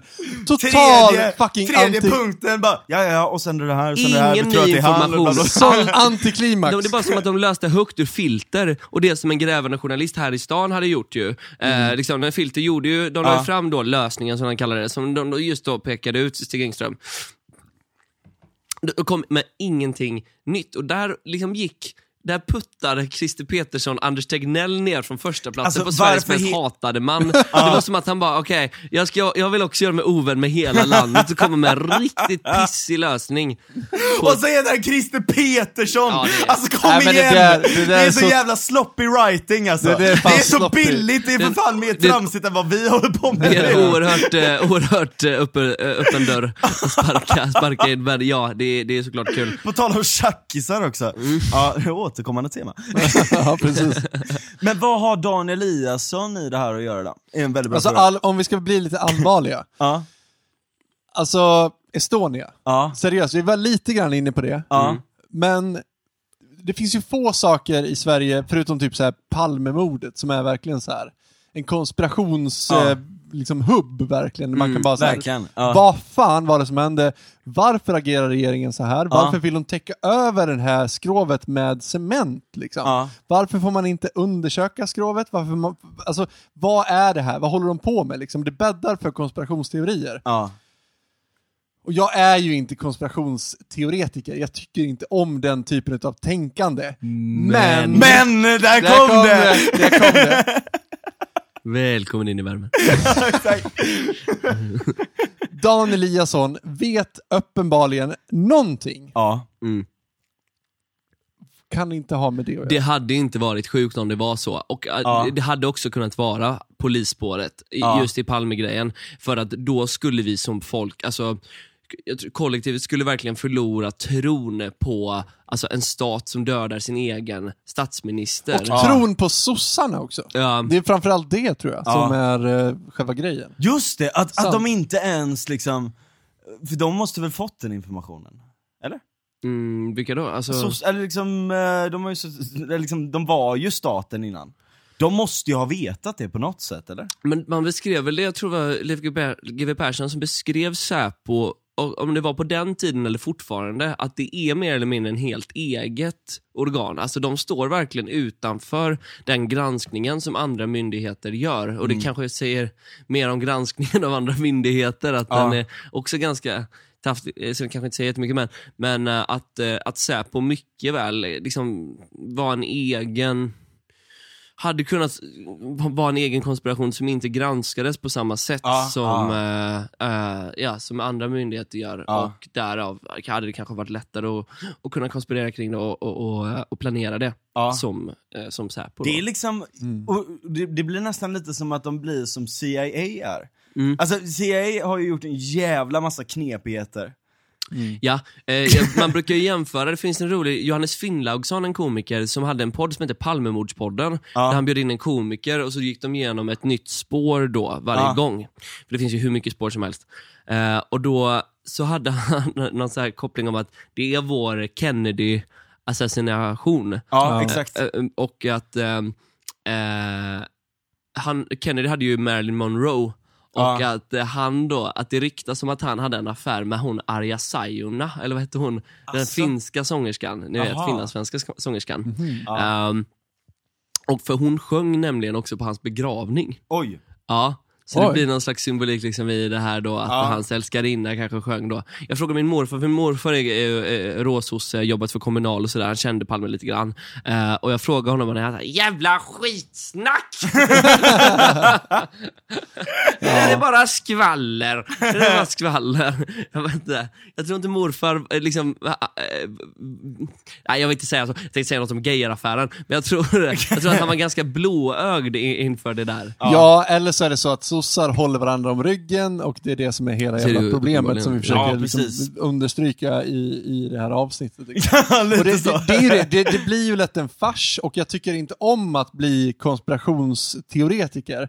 Men hur fan ska man förstå det här då? Alltså det är så jävla sjukt att Dan Eliasson klarar Ja. sig från kris till kris och Ja. han sparkas Ja, ja, uppåt och nu liksom får han kanske det, liksom, det, det högsta jobbet han har Alltså, haft. det borde ju rent teoretiskt vara den alltså, allra viktigaste myndig- myndighetspositionen du kan ha i hela staten. Ja, Ja. Alltså det, det, eller det är ju liksom verkligen så här. vad är liksom den yttersta grundfunktionen som en stat ska göra? Mm. Den portföljen har han ju. Ja. Den absolut med generella säkerheten av folket ifrån liksom, ja, radioakti- radioaktivitet, giftavfall, bomber, allt sånt där. Jag bara, ah, men, äh, Psykologiskt försvar! Alltså, det, det där bröt mig alltså. Jag, jag grät av skratt när Dan- jag Ge det läste till det. Danne, han som liksom inte kan hålla sig från att åka till liksom, åka på solsemester och festa under en pandemi, när liksom hela Sveriges ögon är på honom och han ska verkligen bara leva som han lär. Ja. Och det är också så här. det är jul, ett vaccin är på gång, chilla på, Ta det lite lugnt. ge det några månader, Ja. ha lite is i magen och tänk på hur mycket is du kommer ha i drinken när du kommer fram till Gran Canaria om ett halvår där när allting är fint. nej, nej, nej, ja. nej, marshmallow-testet, han fick underkänt på det alla gånger. Helt säker på att han får han bara, nej jag tänker inte vänta, att vägra. För att om han hade, om han hade, han hade ju faktiskt en chans här, att om han tog oss ur krisen, alltså så här, vi Ja, ja, oss ur krisen, nu är vaccin, nu är pandemin över i Sverige. Då hade han så här bara, ja men där gjorde han faktiskt ett bra jobb. Ja, exakt. Och då kanske Första lite revansch. Ja, nope! Nej. Han ska fucka upp det här också. Ja. För att han vill sparkas upp oss. Pappa är Uppåt. törstig. Ja, ja men Ja. det är det, pappa är törstig liksom. Men, men där måste det vara liksom, jag tänker någonstans liksom att det måste vara så djupa jävla hemligheter liksom. Jag och Isidor har suttit eh, väldigt eh, intensivt och studerat eh, alien-teori Ja. idag. Eh, vi har också Du är helt seriös. Jag, vi jag, också jag vill ta ner det på en lite mer seriös nivå här. Nej, nej, nej. Men, I'm sorry Daniel, we're, we're in for a ride Och alltså. det är inte, det, det är inte, jag, jag beskyller inte er, det här är sossarnas fel Ja. att den här podden liksom blir en fars. För att sossarna är en fucking fars. Ja. Va, vad ska vi göra? Hur ska vi, hur, ska vi, hur ska vi reagera på det här? Om inte så här? Ja, precis, precis. Ja. Alltså Precis. vad, vad man, och, ja. och, och där, där kan vi säga att Sverige har ju haft väldigt många ufo-sightings. Ja, precis. Eh, och det är jätteintressant, eh, just spökraketerna. Jag vet inte om vi nämnde det snabbt senast jag var här. Vi kom in på aliens där i slutet, vi babblade om allt möjligt då. Eh, idag har det varit lite mer tema på, lite mer tramsigt, men lite mer tema på, eh, på Daniel Eliasson. Men, men i alla fall spökraketerna, känner du till dem? Nej, känner inte. Det är då att mellan, eh, f- eh, under 50-talet så gjorde man, gjordes det väldigt mycket observationer utav eh, privatpersoner oberoende av varandra som såg samma sak samtidigt. Som var att man såg cigarrformade objekt som flög ner i sjöar och försvann. Och Det här är alltså Jaha. officiella dokument som har varit eh, hemligstämplade fram till 90-talet någon gång. Eh, sedan har UFO Sverige gjort ett jättestort jobb med att kartlägga alla observationerna och försöka Klas- knyta... Claes Svahn då. Precis, Ja. precis. Just det. Och, ehm, och det finns också ett dokument som blev ehm, eh, vad heter det, declassified på svenska. Jag vet inte riktigt om det finns något Det bra ord. Heter det det bara? Ja, kanske. Eh, I alla fall att vår överbefälshavare jagade ett sånt här objekt eh, in i ett åskoväder. Eh, han jagade det i, i, då i sitt flygplan och en, en pilot skulle verkligen vilja undvika ett åskoväder, skulle aldrig vilja flyga in i det, men den här, eh, det här objektet flög rakt in i det och försvann. Och det här är liksom någonting som finns Som snöstormen. i vår historia. Ja, just Mm, det. just det. Det var, det kanske Det var bra metamfetamin i bilden här. Ja, Ja. just det. Chuck-aliens har vi på halsen här. Nej men det är intressant, eh, det är spännande eh, att vi har en så, för att USA är ju väldigt har en väldigt stark så här, ufo-kultur om man ska kalla det det. Att Ja. så här, eh, Area 51 bekräftades ju bara för något år sedan att den finns av regeringen, även om alla vetat att den funnits. Och det har varit en meme sen jag vet inte hur länge, eh, men jag tror åtminstone 80-talet att det pågår, pågår eh, ufo-experiment, att det finns ufon där eller vidare. Sådär. Det finns liksom i kulturen och runt Area 51 så finns det så här alien-barer där de har byggt så här låtsas-ufon som de sätter upp och det är en kul grej.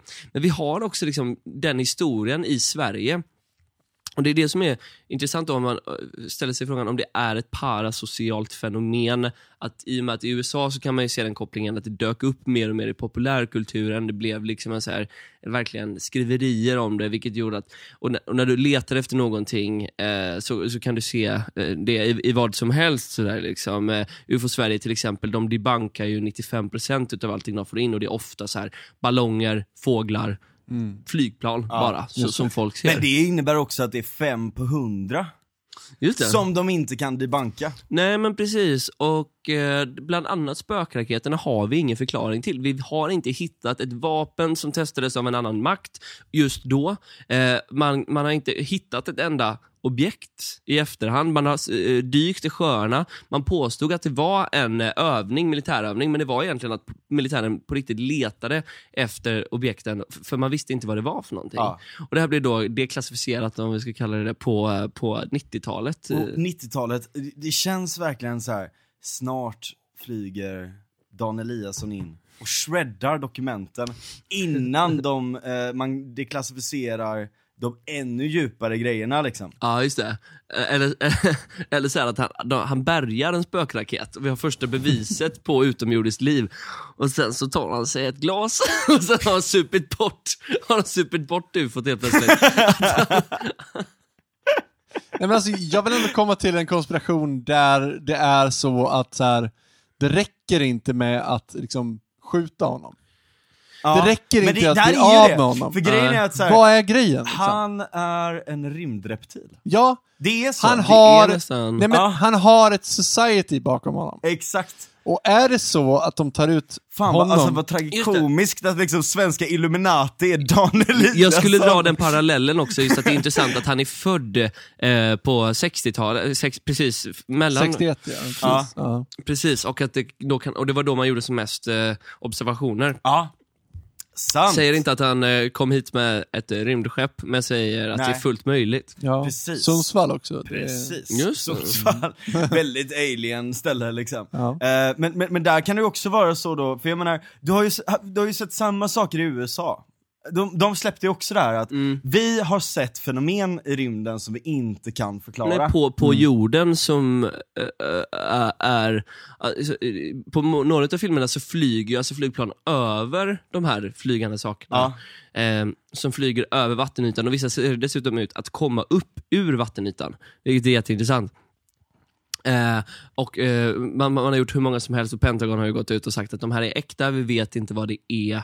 Eh, och eh, ja, det, det, Vi kan inte förklara det. Om Kina har det här, då är vi fucked. Om Ja, det. Ryssland har det här, då är vi fucked. Eh, liksom. Det, det är på den nivån typ, att de är lite så här ängsliga typ, för de bara, what the fuck? Hur ska Ja. vi kunna försvara oss mot någonting som bara Ja, precis. flyger upp på himlen liksom? Ja. Ja. Tänk om Dan Eliasson har någonting med Kina att göra. Tänk om Det han är maskopi med Kina. Han är lite lik Xi Jinping. I det att han är liksom lite såhär Nalle Puh-aktig Puh. i anletet. Det är han faktiskt. Ja. Det är han Vad fan faktiskt. ska vi göra? Vad fan är grejen? Vi, vi, vi kan bara spekulera. Ja, Mm. ja men där är vi ju liksom, i det här läget så är vi ju faktiskt Eh, om han är en rymdreptil, om han är utsänd av den galaktiska federationen för att spionera och eh, skapa eh, en form av eh, chimär. Mm. har jag en teori då. Så att, ehm, alla de här grejerna, för eh, en, en sak som man har kunnat bevittna då eh, med sossarna, det är ju att eh, man, man skulle kunna tänka sig att det är liksom sossarna som ligger bakom det, och sossarna kan ju såklart vara infiltrerade av rymdödlor också då. Eh, men eh, det är ju att det har ju verkat komma Och då väldigt ver- mycket verkar katastrofer. Stefan Löfven vara som en liten ödla. Eh, ja, det skulle kunna vara. Sköld, sköldpadda. Ja Ja, precis, så. exakt. De kommer i olika former. och och, och liksom, det har ju verkat som att eh, många av de här sakerna tar väldigt, väldigt mycket väsen och väldigt, alltså i princip tankar, alltså drar all kritik från sossarna och allt sånt där liksom. Jag skulle säga att det är en väldigt, väldigt bristfällig analys att det skulle handla om sossarna, så man skulle ta liksom, ta bort allt det här från, eh, alltså all uppmärksamhet från. Jag tror snarare så här att just nu så är vi i en fas av väldigt mycket liksom, kaotiskt eh, runt på, på jorden. Vi har precis fått internet, vi har precis blivit ihopkopplade eh, och eh, den här ihopkopplande kraften är eh, ett kriterium för det galaktiska imperiet till en eh, civilisation som potentiellt sett är intressant att inkludera. Mm. Eh, och under den här perioden just nu så vill de bara testa lite grejer och de vill inte bli påkomna med hela sin operation och sådär. Så att de har väldigt, väldigt mycket konstiga grejer som händer. Stormningen av Kapitolium. eh, I pandemin. USA, hela pandemin. Eh, du har Dan Eliasson eh, och du har jävla massa konstiga grejer som händer hela tiden just nu. Mm. Det är för, det har två stycken anledningar. Mm. Det ena är att det ska då liksom leda bort uppmärksamheten till någonting annat medan de håller på att göra en jävla massa grejer då liksom. Eh, och, eh, och det andra då är att ehm, eh, helt enkelt också testa oss. Det finns ett begrepp som heter AB-testing, eh, som är ganska intressant Okej. eh, inom eh, kommunikation. Då. Och det är att du testar en sak på ett område och en annan sak på ett område och så mäter du resultaten i princip. Eh, Det kan vara, eh, du sponsrar ett inlägg till en specifik grupp då, eh, som du har hittat genom någon al- algoritm och allt sånt där då. Ehm, och det kan till och med vara en kombination av konspirationer i, konspirationer i den bemärkelsen att vi också försöker, vi håller på att träna upp en AI just nu. Eh, som är så här, general intelligence AI som håller på och analyserar hur vi människor fungerar för att kunna liksom transcendera oss och bli en, en högre livsform. Eh, för att den då ska ersätta oss till det här, som liksom eh, den galaktiska federationen då, eh, kan, då vet de att liksom, då finns det folk som håller koll på den här skiten när vi är borta liksom. Just det. Eh, något sånt möjligtvis eh, skulle det ju kunna vara. Finns det, finns det inte, är, är det sant eller är det bara en teori om att man, eh, man har funderat på liksom att eh, frysa ner spermier och ägg och att liksom eh, göra en konstgjord grav- graviditet då i framtiden. Liksom, man har väl pratat om det, att man skulle skicka, skicka med så här befruktade ägg till, eh, till mot, om man ska ut i rymden så att liksom, det påbörjas en ny generation på väg till då nya marker ut i, i, i kosmos. Ja, det låter ju fett. Ja, men, Ja. men låt oss säga att vår jord skulle gå under då, att man helt enkelt lämnar en, eh, en AI med liksom den, att den Ja. kan, kan göra bedömningen att så här, okej nu eh, är det bra att börja odla människa igen. Precis. Dan Eliasson är ansvarig för gör- hela projektet. Man Liksom. gör en klon. Exakt. Man klonar i Dan Eliasson. Jag spelade ett spel nyligen eh, där all, eh, det finns en civilisation, det är så här rymdspel och rymdstrategispel, där det finns en civilisation där det är en man som bara klonat sig själv då. Aha. Eh, Horatio, han är så här, lite Elon Musk-aktig så här, som bara Okej. klonat sig själv, skapat en helt ny eh, rymdcivilisation. Det skulle man kunna göra med Daniel Eliasson. det kanske är det som är slutmålet. Han är den perfekta människan kanske. Ja, kanske. Eller, Nja. nej, nej vet du vad? Det, det, är liksom, det är det som är så intressant, att han verkligen inte är det. Att han är liksom, eh, verkligen fruktansvärt otursföljd eh, och, omdömeslös. Eh, men så, så, det, det vi diskuterar är ju liksom, vad är det han sitter på? Vad har han som gör att han gång på gång landar på fötterna egentligen? Vad- vad är det? För att det är liksom verkligen en så här byfåne som har liksom fått bestämma, så här, få, få, bestämma över byn Ja. eh, gång på gång trots att det går åt helvete. Eh, men eh, Vad är din teori? alltså, jag vet inte, så här, det känns inte som att han skulle läcka eh, n- någonting ifall han fick sparken. Eh, För att egentligen så borde det ju lättast då ifall han, ifall han hade någonting på folk. Stefan Löfven eller andra mäktiga sen, visste någonting. Då hade det varit lättast att antingen skjuta honom, två, betala honom pengar så får han avgå. Men han verkar verkligen vilja fortsätta jobba. Ja. Det är det som är så konstigt, att han bara älskar att jobba. Han riktigt, Lutheransk arbetsmoral verkligen. Ja, verkligen. Ja, precis. Helt värdelös på Det sitt får man jobb. ge honom ändå. Lik förbannat arbetsnarkoman. Och Ja. han blackmailar för att få jobba. Ja, precis. här, han blackmailar inte för att bli ekonomiskt oberoende, Nej. utan att få jobba liksom. Det är inte som att han har krävt att han ska få eh, ett solhus på Kanarieöarna. Han kräver bara att han ska få vara chef för en myndighet och festa på Kanarieöarna Ja. då och då. Det är liksom... Samtidigt, ja. Ja. ja, det är sjukt alltså. Det, det är ju spektakulärt ändå. Alltså han är ju min nya idol alltså. ja, verkligen. Alltså han är ju verkligen den här, eh, det spelar ingen roll vad, vad som händer, du kommer alltid landa på fötterna. Ja. Ja. Jag tycker att det finns för lite så här deep state-snack i Sverige. Mm. Alltså, det, det enda är liksom brölhögern som skriker om myndighetsvänstern liksom. Men det hade verkligen varit kul om vi hade haft mer, alltså nästan så här Qanon-nivå av eh, av konspirationsteorier runt där. Eh, Det hade kunnat vara en sån sak då, om man återigen å- kommer tillbaka till Estonia eller Palmemordet. Ja. Att, eh, då tror jag att, eh, par, och- om kommer tillbaka till det parasociala, att om vi får reda på att en konspirationsteori stämmer, vad är det mer då som inte stämmer? Och Ja. det är verkligen ja, ett kaninhål och helt plötsligt så ifrågasätter man hela sin verklighet exakt. och allting runt sig. Och det är Precis. det då, Qanon... Eh, Ja, och, och det, ja, precis, det är det som det här verkligen är. Men, men där är så jävla intressant också att det händer så mycket dum jävla skit hela tiden. Typ Dan Eliasson. Typ, eh, ja, så jävla mycket skit som liksom eh, har gjorts eh, i USA och det ena och det andra. Att folk blir ju jävligt konspiratoriska för att de hittar ingen bra förklaring Nej. liksom. Nej.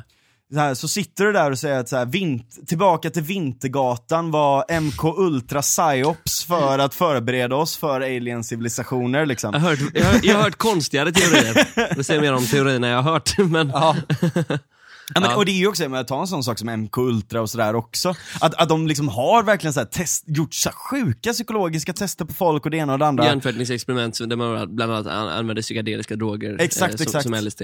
Och sen så har du ju Pro- Project Northwood också, Ja. eh, som eh, eh, Kennedy stoppade eh, kort innan att han blev... Eh, Skjuten? Ja. Nej! Eh, och det handlade helt enkelt om att amerikanska staten, det var ett förslag om att amerikanska staten skulle börja begå terrorbrott på sin egen befolkning och skylla det på kubanerna för att kunna rättfärdiga krig mot kubanerna. Oj, det låter det- bekant det där. Ja, precis. Ehm, och, det, och det är liksom, sen när det kom fram, för det kom fram också ganska nyligen, typ så här, om det var under 2000-talet eller slutet av 90-talet, så kom Ja. det ut. liksom.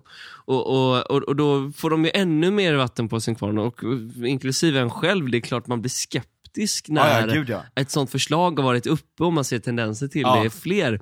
Inte för att jag liksom skulle klä ut mig till en viking och storma så en kanslibyggnad för det. Eh, jag är lite chillare Ja, om ja, jag ja. får skryta Exakt med liksom. mina personlighetsdrag. Du behöver, inte, du behöver inte visa att du är en viking. Äh. Liksom. Du, behöver inte, du behöver inte klä upp dig för Ja. det liksom. Alla ni som lyssnar på det här, ni, ni kan ju höra, ni, ni ser ju mig inte, men ni, ni hör ju på min oerhört maskulina röst att jag är ju, Väldigt stor och väldigt, väldigt stark. tungviktsboxare och en, ja, en, en riktigt chad, ja, jag, jag gillar inte att kalla mig själv men alla kallar mig det för det. Ja, ja, så.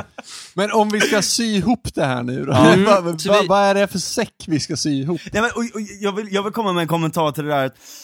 Okej, de har ju så jävla spektakulära konspirationer i USA och allt sånt där och det ena och det andra som händer. Men Sverige, alltså, Sverige har ju fan inte så jävla mycket att komma med. Alltså det är ganska tråkigt som du sa innan, det kommer liksom inga såna här galna stories från Sverige. Ja, det finns Palme, vi har Estonia. Ja, men det är inte så jävla mycket mer än det, och det är inte så spännande alltså. Nej.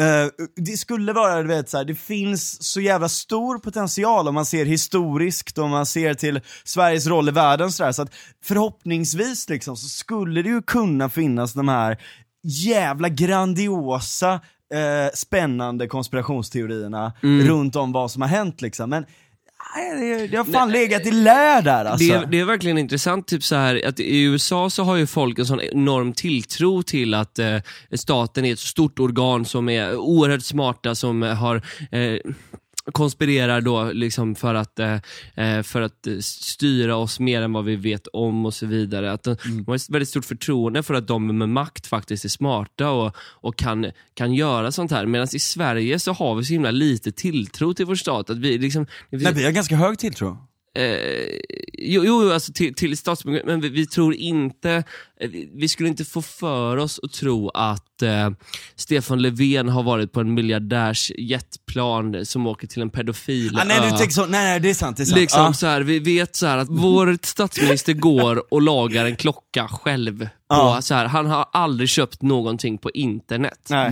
Det är liksom Det är där så vi jävla är. ospännande liksom. Det är verkligen det. Alltså så här, eh, Men här ja. finns det ju någonting, äntligen, med Dan Eliasson, som kan Ja. väcka så många tankar om Alltså- hur det fungerar och vad han möjligtvis skulle kunna ha på dem. Ja, och jag uppmuntrar alla i våran Facebookgrupp att Ja. ge oss teorier. Ja. För jag är öppen för allt. För det finns ingen bra förklaring som vi har etablerat två, två som man hade kanske kunnat tänka sig då. Det är ju eh, Palme och Estonia, att han sitter på information Ja. eh, som, eh, som man hade kunnat släppa. Eh, och så. Eller så är ja, det är kanske en, en romans med någon annan mäktig person inom eh, Ja. det hela. Möjligtvis alltså. Ja. Ja, någon annan partiledare eller någonting. Eh, så. Eller är det en, en, en partiledare, eller Ja. vem, vet Men- liksom. För, för det är också, jag tycker att det är väldigt, väldigt förnärmande att om de nu ska göra så här, om de nu ska hålla på så här Mm. och det inte finns någonting stort bakom, då är det helt i onödan. Vad fan är poängen då? Men det är ju någonting. Det, det, det är inte bara en slump. Jag blir provocerad. Det kan vara las. Tänk om det är så tråkigt och Ja, vet, byråkratiskt jag att det vet. bara handlar om LAS. Förlåt. Jag vill nästan inte att det ska vara så. Nej, jag, Jag, sitter hellre det. i skiten än sitter där förnedrad över liksom det småaktiga i det. Ja. Ja, ja, ja det, det, det är det absolut tråkigaste svaret i sådana fall, om det är så. Ja. Eh, också eh, troligt, men Vi har ju varit inne på GV och han säger att man inte ska krångla till det i onödan. Nej precis, han är ju en Det är statistiker. ju lätt för honom att säga. Ja, just det. Ja, Han är en del av... Eftersom att han, Precis. han som sköt Palme. precis. Men eh, hörni, ska vi ge oss i det här nu? Jag kan babbla på i evigheter. Jag vet det. Jag med. I know you. Och vi har varit så här, vi har varit så här, man ska inte tro på konspirationsteorier, det är så jävla farligt just nu, la la la la la liksom. Men då är det jävligt mycket bättre i alla fall att man tror på rätt konspirationsteorier. Ja. Oavsett vad ni tycker alla lyssnare så har vi haft jävligt roligt här ikväll i alla fall. Mm. Eh, och eh, vi ehm, eh, kommer att ha förmodligen ett jävligt roligt avsnitt eh, snart. Eh, nästa avsnitt också, som är mycket mer seriöst än det här. Eh, Jag men ju- inte lika roligt kanske. Jag vet ju lite vad det kan handla om, jag ska inte säga någonting. Men det är, Nej, ja, jag ser jag- fram emot det avsnittet, så mycket kan jag säga. Var tvungen att avslöja det för dig. Ja, faktiskt. precis. Ja. Eh, men uh, blir du sur för att nej, jag har nej, nej, nej. Ja. Ingen fara. Ingen fara. Nej, spännande. Får jag plugga att jag tycker att eh, folk ska stötta er på Patreon? ja, vi ska kicka igång det nu. Ja. Nu är det dags. Är det igång? Eh, det är inte igång än alltså? Nej vi har inte, alltså vi, vi varit lite såhär, du vet, uh, såhär, nej men inte ska väl vi så här i början typ, eh, eller lite Ja, såhär byggt upp jag, jag till tror det vi liksom. gjorde likadant också med min podd Dekadens. Eh, att Lyssna vi, på den, Ja, Isidor är skitkul som ni hör. Det- det Lyssna det på honom också. det, det, kan, det kan bli en rolig podd ibland. Och eh, då, då tog det kanske, jag hade kört 20 avsnitt, sen startade vi en Patreon. Ja. Det blev ganska bra. Och Sju nu- kronor i månaden. Många bäckar små. Det är, Verkligen. Jag, Mm. jag älskar verkligen principen om den formen av crowdfunding också.